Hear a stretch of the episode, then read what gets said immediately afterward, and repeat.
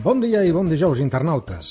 Un que és amant de les cites i refranyers populars troba autèntiques perles que descriuen perfectament certs comportaments i personatges. En una entrevista a la candidata Alicia Sánchez Camacho al programa Ágora, el periodista Xavier Bosch li desmuntà un dels arguments que la líder del PP català venia emprant des de fa dies.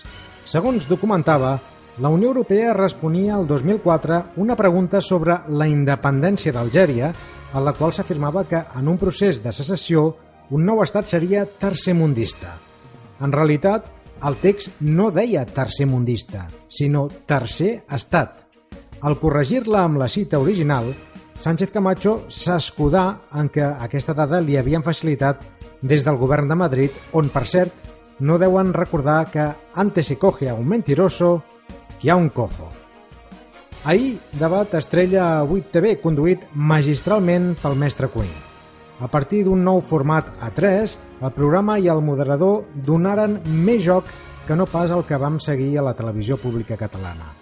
A grans trets, poques novetats ofertaren els candidats de Convergència, PP i PSC. Tot i així, l'encara líder dels socialistes catalans tornà a perdre l'oportunitat de reivindicar-se com una alternativa amb cara i ulls, perquè l'etiqueta del federalisme no acaba de quallar ni entre la ciutadania ni tampoc entre els seus votants socialistes.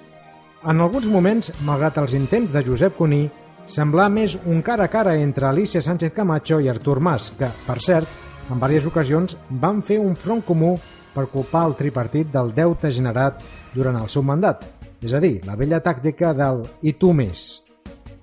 A diferència del discurs que el PP va escampant per Espanya, al debat no afloraren les informacions publicades pel diari El Mundo sobre comptes secrets a Suïssa.